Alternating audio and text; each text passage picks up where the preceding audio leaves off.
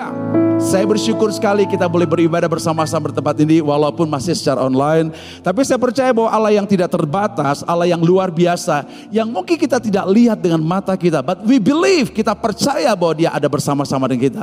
Cukuplah bagi kita bahwa kehadiran Tuhan memerdekakan kita, membangkitkan kita. Kehadiran Tuhan membuat kita punya damai sejahtera dan sukacita. Dan saya pastikan, saya katakan bahwa seluruh jemaat Tuhan di mana pun kau berada, ketika kau mengangkat tangan, ketika duduk, memuji memuji menyembah Tuhan, engkau mengalami kuasa Tuhan yang tidak terbatas. Amin.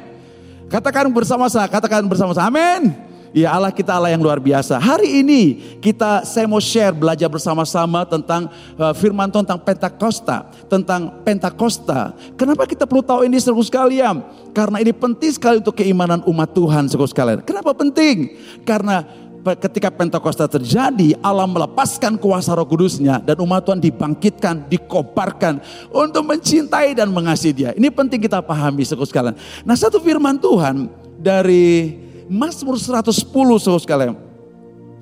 Mazmur 110 demikian firman Tuhan.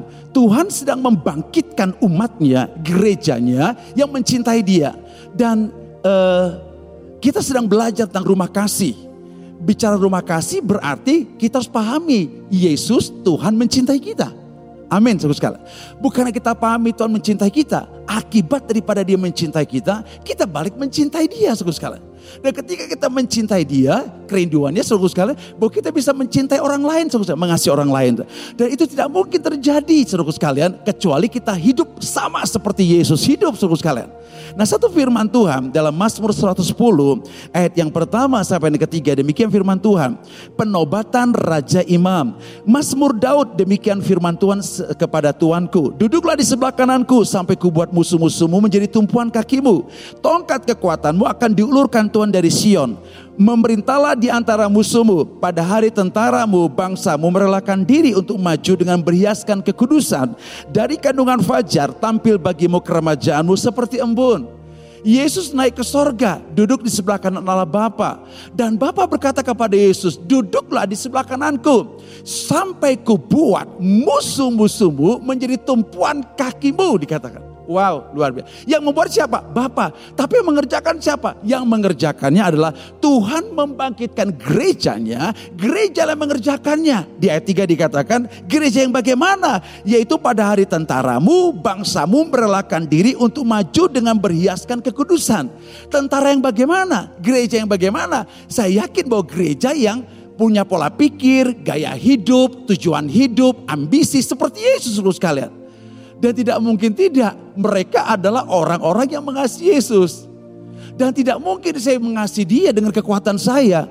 Maka harus ada kekuatan daripada sorga, kekuatan Allah yang menjamah saya. Dan dengan kekuatan itulah saya bisa mengasihi dia. Itu sebabnya Yesus katakan dia harus kirimkan roh kudus buat kita seluruh sekalian. Haleluya, luar biasa. Tuhan tuh bekerja dengan pola yang luar biasa. Enggak separuh-separuh seluruh sekalian. Enggak setengah-setengah, enggak tiga perempat. Full dia kerjakan. Makanya kalau engkau ngerti kebenaran firman Tuhan ini. Firman ini memerdekakan engkau, kau berhak dengan kekuatan kuasa roh kudus. Nah satu firman Tuhan lagi. Saudara. Mengapa? Mengapa dia harus kirimkan uh, roh kudus kepada kita seluruh sekalian. Nah satu firman Tuhan dari Yohanes pasal yang ke Yohanes pasal yang ke-14 ya ayat 15 sampai ayat yang ke-17. Saya nyampaikan firman Tuhan ini. Saya bacakan. Yesus menjadikan penghibur. Yesus menjanjikan penghibur. Jikalau kamu mengasihi aku, kamu akan menuruti segala perintahku.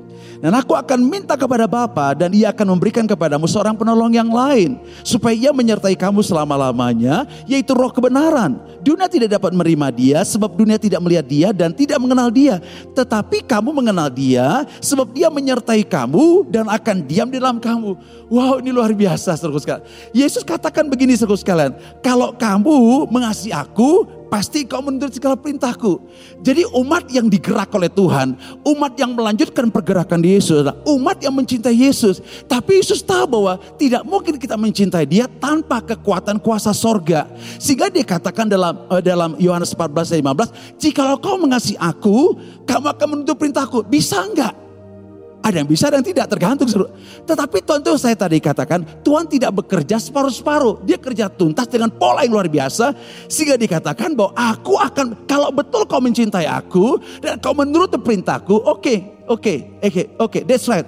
Kalau itu menjadi keputusanmu, Tuhan katakan, aku akan minta kepada Bapak Jed, gereja Tuhan saya katakan, ketika kau punya keputusan untuk mencintai Tuhan, untuk mengasihi Tuhan, siapa pun engkau, ibu rumah tangga, bapak rumah tangga, batita, balita, semuanya seluruh sekali. Saya katakan, ketika kau mengambil keputusan untuk mencintai Yesus seluruh sekali, dengan menuruti kebenaran firman-Nya, Yesus katakan, aku akan minta kepada Bapa supaya dia kirimkan seorang penolong yang lain, yaitu roh kebenaran. Dia menolong engkau dan saya. Tujuannya apa? Supaya kita dimampukan untuk mencintai dan mengasihi dia. Cinta mati dengan dia saudara sekalian. Dan dia katakan bahwa dunia tidak kenal dia. Dunia tidak terima dia. Dunia tidak paham dia. Dan dia punya ekspektasi yang tinggi sekali. Dikatakan bahwa tetapi kamu kenal dia. Wow, luar biasa. Bukannya kenal dia, tetapi kamu juga disertai oleh dia selama-lamanya. Tidak hanya disertai oleh dia, dia akan diam dalam diri kamu. Waktu Yesus mengatakan kepada murid-muridnya, roh kudus belum datang. Tapi sekarang roh kudus sudah datang. Berarti bahwa dia diam dalam dirimu. Dan tidak hanya diam dalam dirimu, dia menyertai engkau. Tidak hanya menyertai kau saja, tapi dikatakan juga kamu mengenal dia. Wow, keren, keren, keren, keren, keren. Abis. Kenapa keren abis? Dia menyertai kita, dia tinggal dalam diri kita, artinya bahwa dia tinggal dalam diri kita. Dia tidak hanya tinggal dalam diri kita, ya. Dia tidak hanya live, dia, dia tidak live in my heart, not only live in my heart, but abundant in all our lives, sekalian. Dia tidak hanya tinggal dalam diri kita, tapi dia memenuhi seluruh hidup kita, sehingga dikatakan dia tinggal dalam diri kita, tidak hanya sampai di situ, tapi dia juga menyertai kita luar dan dalam. Dan lebih keren lagi, kita bisa mengenal dia. Nah kalau kita mengenal dia, artinya kita dimampukan punya persekutuan yang dalam, yang dekat, yang intim, more close with him. Wow, luar biasa. Dia janji demikian. Nah kalau dia berjanji demikian berarti dia pasti menggenapi segala sekali. Itu sebabnya Yesus menggiring murid-muridnya. Menggiring kita untuk memahami bahwa dia nggak main-main tentang pribadi ini. Dia tidak separuh-separuh menceritakan pada kita. Saya bacakan dari uh, dari Yohanes pasal 16. Yohanes 16 ayat yang ke-7 demikian firman Tuhan. Namun benar yang kukatakan ini kepadamu adalah lebih berguna bagi kamu jika aku pergi. Sebab jikalau aku tidak pergi, penghibur itu tidak akan datang kepadamu. Tetapi jikalau aku pergi, aku akan mengutus dia kepadamu. Wow, Yesus bilang gini, lebih bagus aku pergi ke Bapak. Dan memang dia pergi ke Bapak. Dia mati, dia mati di kayu salib, dikuburkan, bangkit dan naik ke sorga dulu sebelah kanan Bapak. Dan Alkitab katakan, lebih bagus dia pergi ke sorga. Loh kenapa harus demikian? Supaya kalau dia pergi ke sorga, janji dia, dia akan mengutus roh kudus kepada kita sekarang. Ini penting kita pahami. Dan roh kudus sebagai roh kebenaran yang menolong engkau dan saya menolong setiap anak-anak muda, menolong setiap keluarga-keluarga, menolong setiap umat Tuhan untuk berkemenangan dalam segala hal. Wow, ini luar biasa saudara sekali. Itu sebabnya, sekali lagi saya katakan, dia tidak kerja separuh-separuh, tapi dia kerja tuntas. Sehingga, mari kita firman Tuhan saudara sekalian, dari Yohanes pasal yang ke-20, Yohanes pasal yang ke-20 demikian firman Tuhan. Kelanjutan daripada bagaimana saya katakan Yesus sudah memberikan pola pekerjaan dia bagaimana dia tidak hanya berfirman tapi dia mulai menggenapi. Dia kasih tahu bahwa dia harus pergi ke Bapa di sorga supaya roh kudus diberi, diberikan kepada kita. Tetapi pada waktu dia mau naik ke sorga setelah dia bangkit dia juga menyatakan hal yang sama membuktikan bahwa ini penting di alami gereja Tuhan dan gereja Tuhan harus pahami dengan betul dengan pengertian yang sangat dalam sekali. Ini penting artinya saudara sekalian. Satu firman Tuhan dari Yohanes pasal yang ke-20 ya ayat 20 sampai 21 demikian firman Tuhan. Saya bacakan firman Tuhan ini. Dan sesudah berkata demikian, ia menunjukkan Yesus menampakkan dirinya kepada murid-muridnya kembali bahwa dia sudah dibangkitkan. Ayat 20 dari Yohanes pasal 20 sampai ayat 22. Dan sesudah berkata demikian, ia menunjukkan tangannya dan lambungnya kepada mereka. Murid-murid itu bersuka cita ketika mereka melihat Tuhan ayat 21. Maka kata Yesus sekali lagi, damai sejahtera bagi kamu. Sama seperti Bapa mengutus aku, demikian juga sekarang aku mengutus kamu. ayat 22. Dan sesudah berkata demikian, ia menghembusi mereka dan berkata, terimalah roh kudus. Yesus katakan dia naik ke sorga sekalian. Lebih bagus. Tetapi dia lanjutkan lagi ketika dia dibangkitkan saudara. Dia ngomong kepada murid-muridnya, dia menampakkan dirinya bahwa dia sudah bangkit. Setelah dia menampakkan diri bangkit, dan sejahtera kuberi kepada kamu. Tapi dia timpali lagi saudara Dia meniupkan, menghembuskan roh kudus kepada murid-muridnya. Sehingga dikatakan, terimalah roh kudus saudara Wah, saya saya tekankan ini bahwa apa Yesus katakan, dia lanjutkan, dia lanjutkan, dia realisasikan. Arti itu penting sekali. Dan bukan untuk murid-muridnya saja, tapi untuk semua orang yang percaya kepada dia, saudara sekalian. Sehingga saudara sekalian, apa yang terjadi saudara sekalian? Yesus naik ke sorga. Nah ketika dia naik ke sorga saudara sekalian, dia bilang kepada muridnya, jangan ke mana-mana, tinggal di Yerusalem. Dan apa yang kujanjikan akan ku kenapi buat kalian. Saya bacakan dari kisah Rasul, pasal yang pertama, eh, pasal yang kedua. Kisah Rasul pasal yang kedua, ayat yang, ayat yang pertama sampai ayat 4. Saya bacakan firman Tuhan ini. Pentakosta. Ketika tiba di Pentakosta, semua orang percaya berkumpul di satu tempat. Tiba-tiba turunlah dari langit suatu bunyi seperti tiupan angin keras yang memenuhi seluruh rumah di mana mereka duduk. Dan tampaklah kepada mereka lidah-lidah seperti nyala api yang bertebaran dan hinggap pada mereka masing-masing. Maka penuhlah mereka dengan roh kudus. Lalu mereka mulai berkata-kata dalam bahasa-bahasa lain seperti yang diberikan oleh roh itu kepada mereka untuk mengatakannya. Sekali lagi, Yesus tidak hanya berkata-kata bahwa dia akan mencurahkan roh kudus. Tetapi dia, dia realisasikan itu sekalian. Sehingga ketika murid-muridnya Yesus naik ke sorga dan murid-muridnya ada bersama-sama berdoa saudara sekalian dan roh kudus dicurahkan bagi mereka. Itu artinya Yesus gak main-main, itu penting sekali karena demi perlanjutan daripada kegerakan yang Yesus perlakukan harus dilakukan oleh gereja Tuhan. Engkau dan saya, di mana pun kau berada. Sehingga saudara sekalian, dia katakan ketika mereka berdoa bersama-sama, tiba-tiba roh kudus dicurahkan ke atas mereka. Di atas kepala mereka, Alkitab katakan ada bentuk lidah-lidah api, lidah-lidah seperti nyala api yang bertebaran. Hingga kepada mereka masing-masing. Mereka penuh dengan roh kudus. Bukan penuh dengan roh kudus, lalu mereka mulai berkata-kata dalam bahasa-bahasa yang lain. Wah luar biasa. Mereka mengalami Pentakosta. Mereka mengalami baptisan roh kudus. Mereka dipenuhi oleh kuasa roh kudus. Ini penting mereka alami. Kenapa suku sekalian? Karena inilah janji Tuhan. Sehingga Paulus, uh, Petrus katakan dengan tegas, dia katakan bahwa apa yang terjadi ini bukannya sekonyong-konyong terjadi. Tapi ada janji Tuhan yang luar biasa. Mari kita bacakan kisah Rasul 2 ayat 17 sampai 18 akan terjadi pada hari-hari terakhir. Demikianlah firman Allah bahwa aku akan mencurahkan rohku ke atas semua manusia. Maka anak-anakmu laki-laki dan perempuan akan bernubuat. Dan teruna-terunamu akan mendapat penglihatan-penglihatan dan orang-orangmu yang tua akan mendapat mimpi. Juga ke atas hamba-hambaku laki-laki dan perempuan akan kucurahkan rohku ke, ke, akan kucurahkan rohku pada hari-hari itu. Dan mereka akan bernubuat Ternyata bahwa seru sekalian apa yang mereka alami merupakan nubuatan janji dari kitab Yoel dan digenapi di kisah para rasul. Berarti ini penting sekali. Allah memandangi ini sangat penting. Dia katakan digenapilah janji itu bahwa pada hari-hari terakhir Tuhan akan mencurahkan rohnya ke atas semua manusia. Semua manusia. Dan dia katakan spesial, dia kata anakmu laki-laki dan perempuan akan bernubuat.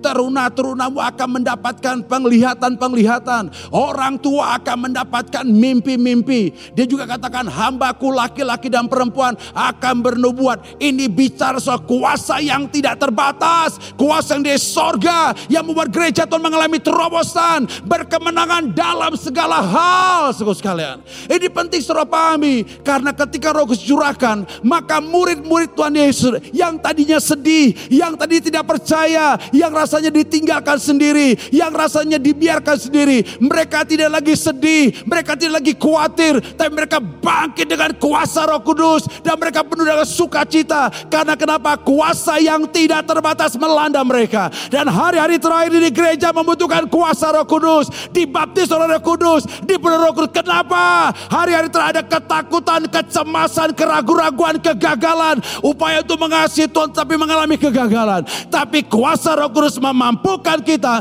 untuk mencintai Yesus. Haleluya. Kasih tahu kepada siapa pun berada di sebelahmu atau kalaupun tidak ada orang saudara, kau berkata kepada berkata kepada dirimu sendiri, berkata kepada Tuhan, bahwa Roh Kudus diberikan kepada saya supaya saya dapat mencintai Yesus, supaya saya dapat mengasihi Yesus lebih dalam lagi, lebih dalam lagi. Ini penting kita pahami dan itu dialami oleh yang namanya Petrus saudara sekalian. Petrus saudara sekalian, dia pernah menyangka Tuhan Yesus tiga kali saudara sekalian. Dan dia merasa gagal sekali sekali. Dia merasa gagal. Sehingga ketika Yesus datang kepada dia, Petrus apakah kau mengasihi aku? Dia susah untuk mengatakan, yes I love you Jesus. Dia susah mengatakan demikian karena dia pernah gagal. Ada banyak umat Tuhan mengalami kegagalan sehingga dia untuk melayani, untuk kembali mencintai Tuhan rasanya takut sekali karena tidak berdaya. Apa yang dialami oleh umat Tuhan sama seperti dialami oleh Petrus. Sehingga Petrus katakan, Tuhan kau tahulah seberapa jauh aku mengasihi kau. Susah ngomongnya, tapi ada kerinduan, tapi takut gagal. Takut gak bisa menepati apa yang menjadi kerinduan Tuhan. Sehingga Yesus katakan sekali gembala kalah domba-dombaku. Dan ketika roh kudus dicurahkan atas mereka. Wow luar biasa.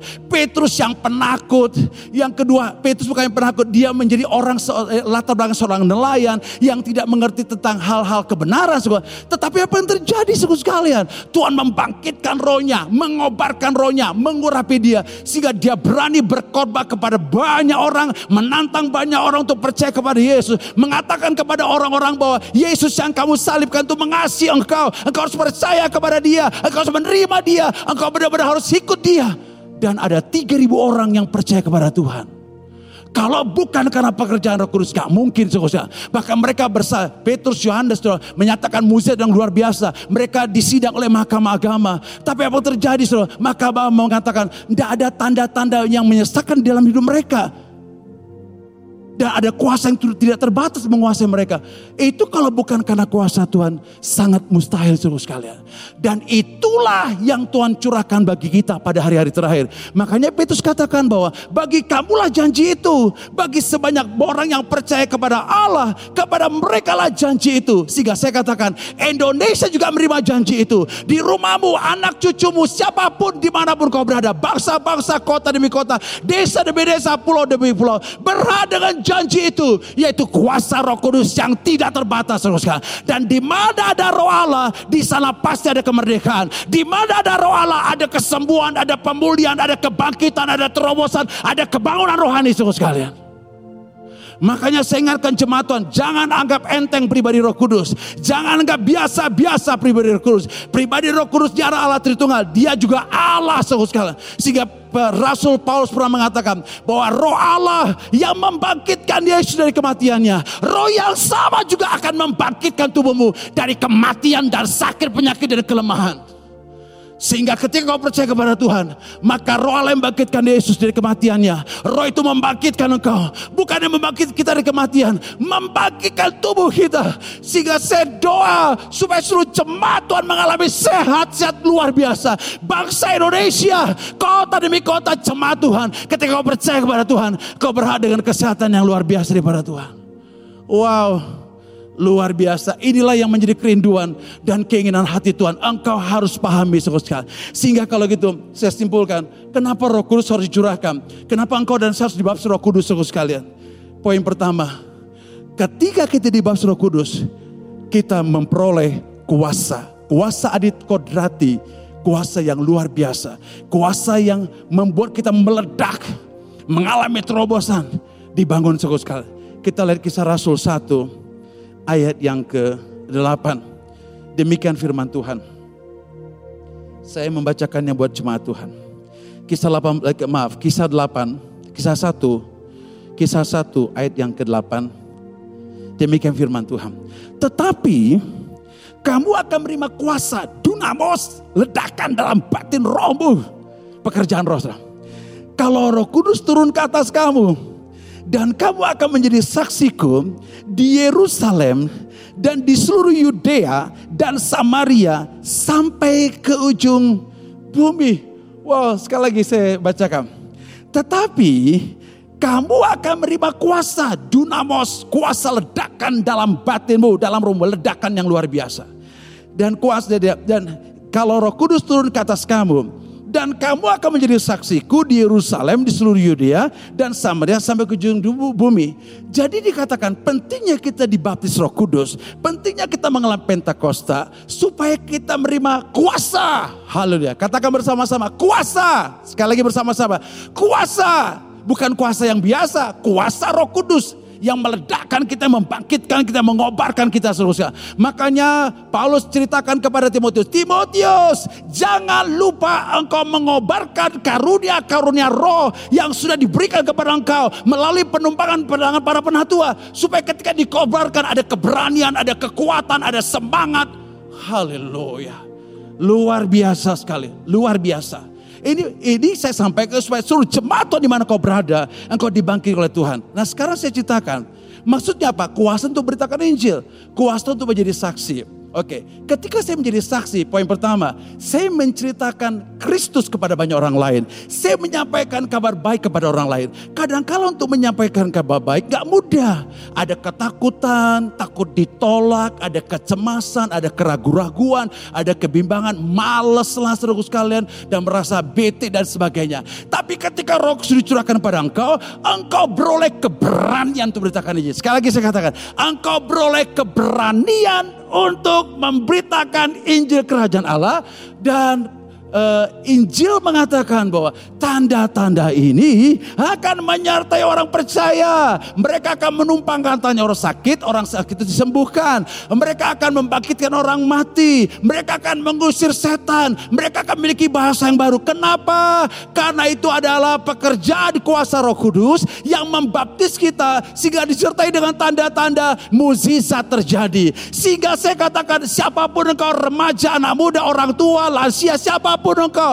Mungkin engkau menderita sakit dan engkau bisa katakan tanda-tanda ini menyertai hidup saya karena pekerjaan roh kudus. Saya menyembuhkan orang sakit maka saya juga disembuhkan oleh Tuhan. Haleluya. Itu janji Tuhan sungguh sekali. Dia gak main-main dengan kebenaran firmannya. Hanya karena janjilah makanya kita percaya. Hanya karena janjilah maka kita berani meminta. Kalau gak ada janji gak mungkin. Makanya saya berani mengatakan ini karena janji firman Allah sungguh sekali. Jadi menjadi saksi Tuhan menyampaikan kabar baik. Menyampaikan tentang Kristus Yesus yang hidup yang luar biasa. Tapi di sisi yang lain berarti saya juga harus menjadi saksi Yesus.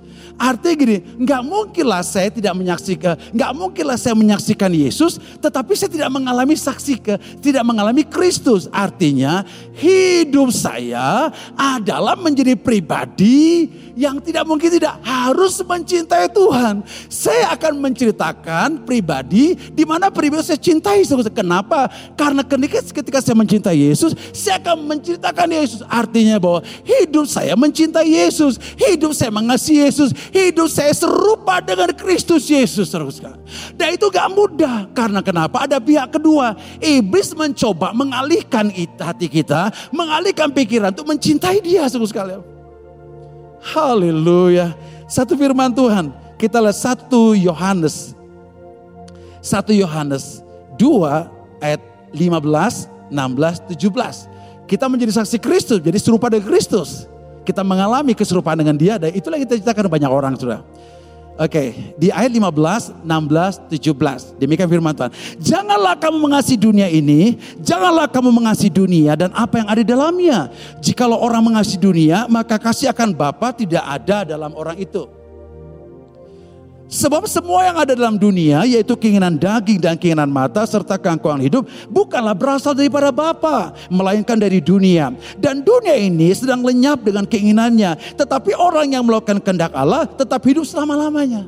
Nah sebagai anak Tuhan untuk mencintai Tuhan dunia juga nggak suka kalau kita mencintai Tuhan. Sehingga dunia menarik-narik kita seluruh sekali dengan keinginan daging, dengan keinginan mata, dengan keangkuhan hidup. Semuanya dirangkum menjadi keinginan dunia seluruh sekali. Iblis tarik kita, tarik pikiran kita, tarik mata kita, tarik tangan kita, tarik panca indera kita, tarik perasaan kita, tarik pikiran. Terus dia tarik tiap hari per detik. Di mana pun kau berada, mungkin di kantor, di sekolah, di kampus, di mana pun di rumah. Ditarik, ditarik, ditarik saudara. Dan kuasa roh kudus itu saudara membuat engkau menerima kuasa untuk menjadi saksi. Artinya engkau menang terhadap cobaan dunia. Engkau menang terhadap godaan dunia. Keinginan mata, keinginan daging, keangkuhan hidup, panca inderamu yang sedetik demi detik diganggu oleh sejarah, digesek oleh sejarah, ditarik sejarah. Engkau menjadi orang yang betul-betul mencintai Tuhan karena Roh Kudus memberikan kuasa kepada engkau untuk menjadi saksi. Bukan di tempat tertentu tapi di mana-mana di Yerusalem, Yudea, Samaria sampai seluruh dunia, di rumahmu, di kantormu, di kampusmu, di sekolahmu, di mana pun kau berada. Bahkan pada saat-saat yang gak enak, saat-saat kau ditertekan luar biasa, engkau bisa mengambil keputusan dengan tepat. Engkau bisa meresponi banyak hal dengan benar. Karena kuasa roh kudus bekerja atas engkau. Maka kau berhak dengan kemenangan demi luar biasa, kemenangan yang luar biasa. Haleluya. Jadi, tidak perlu kita mengalami kekalahan suku sekalian. Kenapa? Mari saya sampaikan.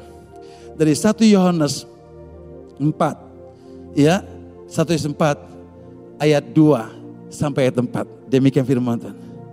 Haleluya. Katakan bersama-sama haleluya. Katakan praise God, haleluya.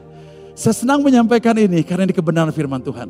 Dan saya mengalami perubahan yang luar biasa ketika saya mengerti pribadi roh kudus yang luar biasa.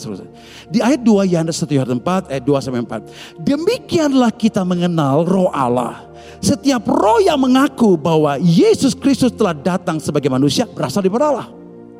Dan setiap roh yang tidak mengaku Yesus tidak berasal dari Allah. Roh itu adalah roh antikristus dan tentang dia telah kamu dengar bahwa ia akan datang dan sekarang ini ia sudah ada di dalam dunia. Tapi ayat pun mengatakan demikian. Kamu berasal dari Allah anak-anakku dan kamu telah mengalahkan nabi-nabi palsu itu. Sebab roh yang ada dalam kamu lebih besar daripada roh-roh yang ada dalam dunia ini. Wow luar biasa. Jadi engkau siapa pun engkau, engkau berada dengan kemenangan. Karena ada jaminan ketika kau dibaptis roh kudus, engkau mengalami Pentakosta, kita katakan, roh yang tinggal dalam dirimu itu lebih besar dan berkuasa daripada roh-roh di muka bumi ini yang setiap detik, setiap menit, setiap jam, setiap waktu menekan engkau, menipu engkau, mengintimidasi engkau. Sehingga engkau berada dengan kemenangan yang luar biasa. Maka Yesus katakan, lebih kau naik ke surga kalau enggak penolongnya enggak dikirim. Dikirim kalau roh kudus buat gerejanya, engkau dan saya. Sehingga ketika roh kudus dicurahkan sekali kita menjadi saksi Tuhan, menceritakan kebaikan Tuhan, menceritakan tentang pribadi yang baik itu namanya Yesus. Bukan yang menceritakan kita hidup, menghidupi, hidup dalam kebenaran firman Tuhan. Sehingga bukan hanya mulut kita bersaksi, tetapi hidup kita, gaya hidup kita, karakter kita adalah karakter saksi Kristus terus sekalian. Dan iblis mencoba untuk mengganggu, menekan kita. Tapi Alkitab katakan kita berkemenangan luar biasa. Ada amin suku sekalian. Itu sebabnya terakhir suku sekalian. Tidak ada keputusan yang lain. Hanya satu saja. Baiklah engkau dibaptis oleh kuasa roh kudus. Alamilah Pentakosta. Siapa pun engkau. Mungkin kalau begini, saya sudah dibaptis tapi kenapa nggak berubah hidup saya? Stop, alami kebenaran firman Tuhan. Dan yang terakhir saudara bukannya alami kebenaran firman Tuhan. Biarlah kau datang kepada dia mengaku dosamu dan kepada Tuhan saya sudah ikut engkau, saya ikut ibadah gereja tapi hidup saya nggak berubah, hidup saya jatuh bangun dalam dosa. Tapi ini saatnya engkau mengalami kuasa Roh Kudus, Dia akan membaptis kau, Dia akan mengurapi engkau, memenuhi engkau sehingga engkau mulai mengalami kemenangan yang baru daripada Dia. Dan kalau ada di antara Bapak Ibu Saudara sekalian yang belum pernah mengalami baptis Roh Kudus, belum pernah mengalami Pentakosta, biarlah hari ini kau juga boleh mengalami kuasa Roh Kudus yang tidak terbatas itu.